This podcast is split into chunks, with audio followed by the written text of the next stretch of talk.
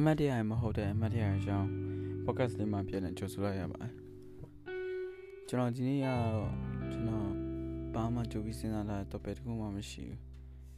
ကျွန်တော်ရောက်တဲ့နေရာပဲပြောပြမယ်ထင်ပါတယ်ကျွန်တော်ဒီနေ့ကျွန်တော်ပြောချင်တာကျွန်တော်အချက်ဆုံးစာအုပ်ကြောင့်ပြောရင်ကောင်းမလားအချက်ဆုံးရုပ်ရှင်ကြောင့်ပြောရင်ကောင်းမလားကျွန်တော်စဉ်းစားကြည့်ပေါ့ဒါပေမဲ့ကျွန်တော်ခုစဉ်းစားပြီးကောင်းတဲ့ပေါ်လာတဲ့ဟာတခုကတော့ ကျွန်တော်အမှတ်တရပြောပြောရမှာပေါ့ဗျာကျွန်တော်အကြိုက်ဆုံးစာအုပ်တွေကြောင့်ကျွန်တော်ပြောပြမယ်တင်တယ်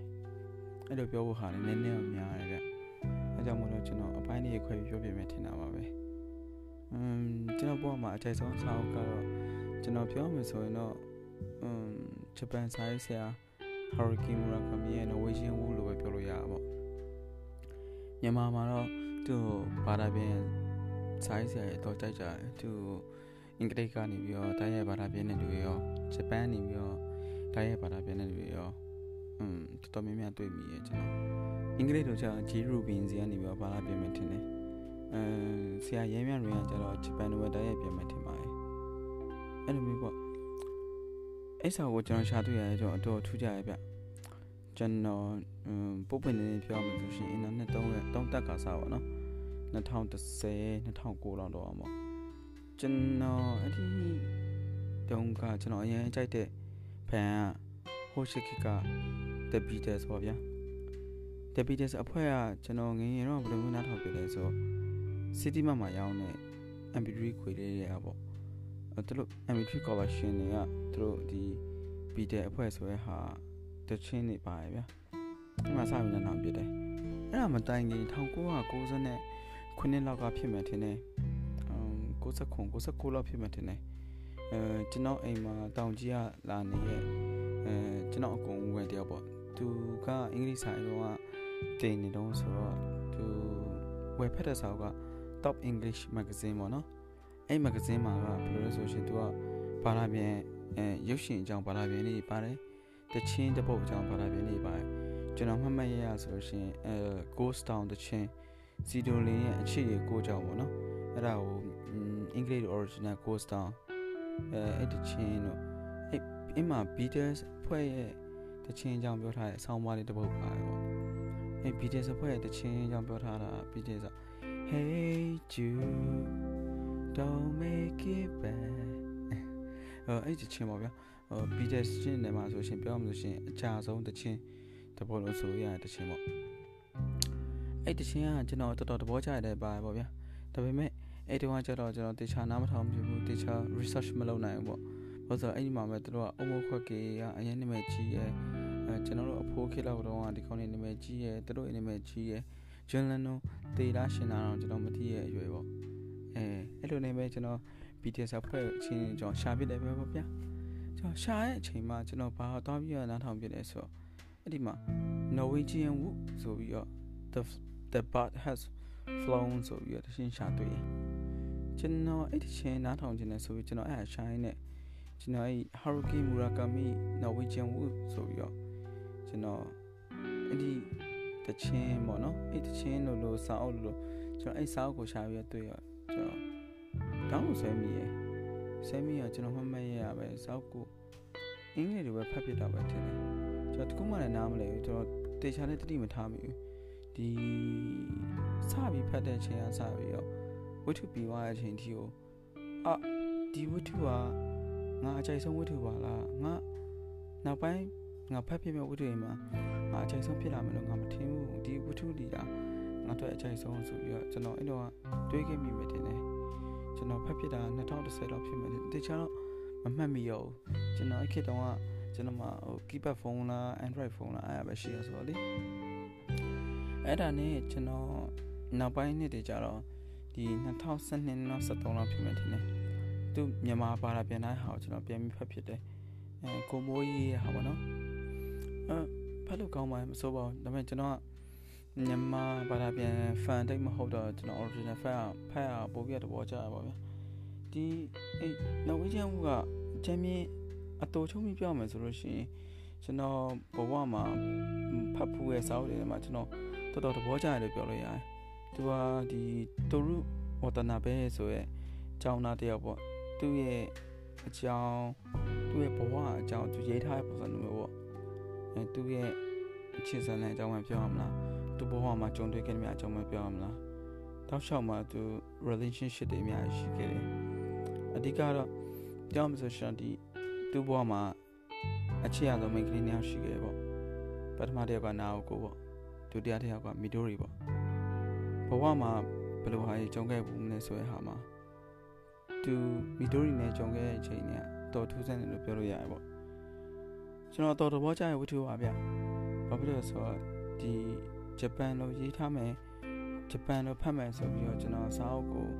ကျွန်တော်အဲ pocket size စာအုပ်နဲ့အုပ်ကိုကျွန်တော်ဒီရောက်ချင်းကျွန်တော်ပထမဆုံးတွားချပြီးဝယ်ပေးတဲ့စာအုပ်ပဲပေါ့ ကျွန်တော်ရုပ်ရှင်နဲ့ပြန်ပြီးတော့ကြည့်ပြတယ်ရုပ်ရှင်က2010တုန်းက VN Android ရေးထားတာပဲကျွန်တော်အဲ့ Android နာမည်မေ့သွားပြီအဲသူဟိုတင်မော်ဒီရုပ်ရှင်တွေပါသူတော်တော်နာမည်ကြီးရတဲ့ယောက်ပဲအဲကျွန်တော်အဲ့တော့စဉ်းစားမိရဲ့ VN Android တယောက် Asian Rider တယောက်ကဂျပန် cast တွေနဲ့ဂျပန်ဝတ္ထုကိုဘယ်လိုမျိုးဂျပန်ဆန်အောင်ရိုက်မယ်ဆိုတဲ့ဟာကိုကျွန်တော်တခြားနားမလဲအဲ့ဒီရုပ်ရှင်ရောကြည့်ပြတာကျွန်တော်နည်းနည်း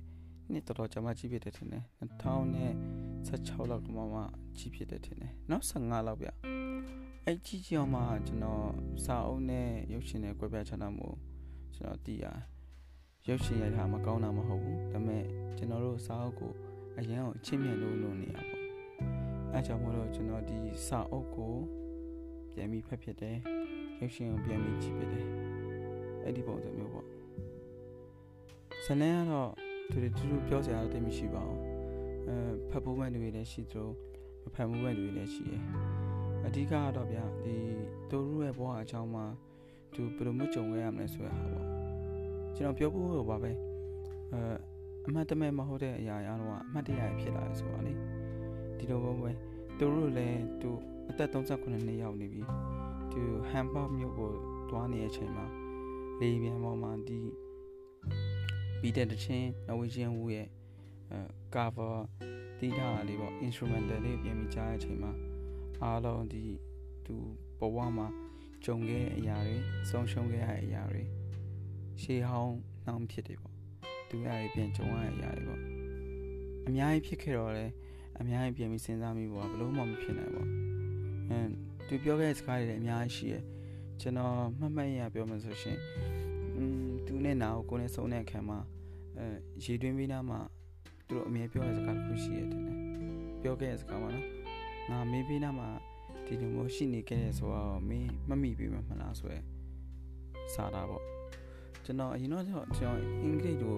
ဟိုမှတ်မှတ်ထားတယ်ဗျကျွန်တော်အခုကျတော့ကောင်းနေချစ်ချင်းမစင်စားမပြန်ပေါ်ရအရာကြတော့ကောင်းနေချစ်ချင်းပြန်ပြီးမပေါ်လာပြဘူး ကျွန်တော်ဒီနော်ဝေးချင်းဦးအကြောင်းဘာဖြစ်ပြောပြလဲဆိုတော့ဒီနော်ဝေးချင်းဦးကကျွန်တော်ဘွားနဲ့တော်တော်တတ်တိုက်ဆန်ဆန်ပက်ပက်တက်တက်ရှိရတော့ကျွန်တော်ပြောလို့ရတဲ့ဝတ္ထုတစ်ပုဒ်ပေါ့နော်အဲကြောင့်မလို့ဒီစဉ်းစားတိုင်းစဉ်းစားတိုင်းဒီမင်းဘာဖတ်ချင်လဲဘာပြန်ဖတ်မလဲဆိုပြီးတော့ကျွန်တော်ပြန်တွေးလိုက်တိုင်းကျွန်တော်ဝေးချင်းဦးပဲပြန်ဖတ်ပြတယ်တိုက်တိုက်ဆန်ဆန်ကြောပြောရမယ်ဆိုရှင်ကျွန်တော်စာအုပ်ထဲက character ကိုယ်တိုင်ကလည်းဒီ ဂျာမနီမြို့မှာဂျာမနီတွားနေတဲ့အချိန်မှာသူနော်ဝေးချင်းဦးတချင်းကိုကြားပြီးတော့သူအတိတ်ကိုပြန်ပြီးတည်ရတယ်ကျွန်တော်လည်းဒီစာအုပ်ကိုကျွန်တော်လေရင်စီးတိုင်းအမြဲဖတ်ဖြစ်တယ်ဟော chapter တော့3ခုထပ်ပို့ပြီးတော့မပြီးဘူးပေါ့ဗျာအမ်ကျွန်တော်အကြဆုံးစီးပွားလေရင်က73နိုင်ဆိုတော့အဲ့ချိန်မှာကျွန်တော်အိပ်ပျော်သွားတာနဲ့တခြားစဉ်းစားမိရရင် လည်းပြီးကျွန်တော်ကြကြအာရုံစိုက်လို့မရ ADHD ယောဂရှိရောလဲ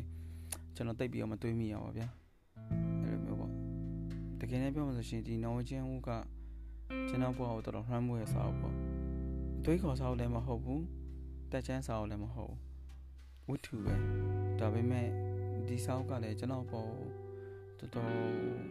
impact ဖြစ်တယ်ပဲပြောအောင်ပါပေါ့ဟိုအဲ့ဒီမပြောတဲ့အချိန်မှာ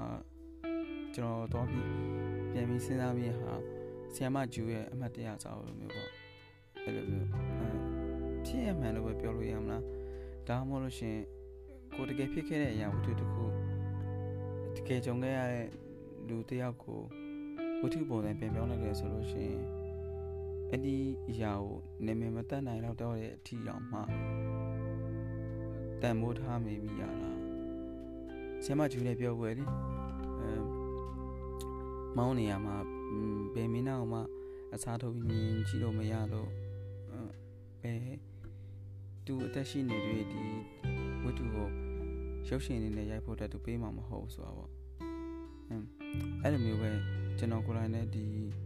Norwegian ကိုပြန်ဖတ်တိုင်း character character character သူကြုံခဲ့တဲ့ character အားလုံးပြန်စဉ်းစားတိုင်းဘဝမှာကျွန်တော်ကြုံခဲ့ရတဲ့အမှတ်တရတွေကခါကြရှင်အမှတ်တမဲ့ပဲကျွန်တော်မေးပြခဲ့ရရအများတယ် ဒါပေမဲ့တစ်ချိန်ကျတော့ကျွန်တော်အတွက်ကအဲ့ဟာအားလုံးကဘာလို့အမှတ်တရတွေပြန်ဖြစ်လာလဲဆိုတော့ကျွန်တော်ပြန်တွေးပြကျွန်တော်ဒီညတော့ကျွန်တော်နည်းနည်းအသွေးများပါမယ်ထင်တယ်အားလုံးကျေးဇူးတင်ပါတယ်ဗျာအခုဒီနောက်နောက်ပေးရတော့ကိုနောက်နေ့ဆက်ပြီးပြောကြပါဦး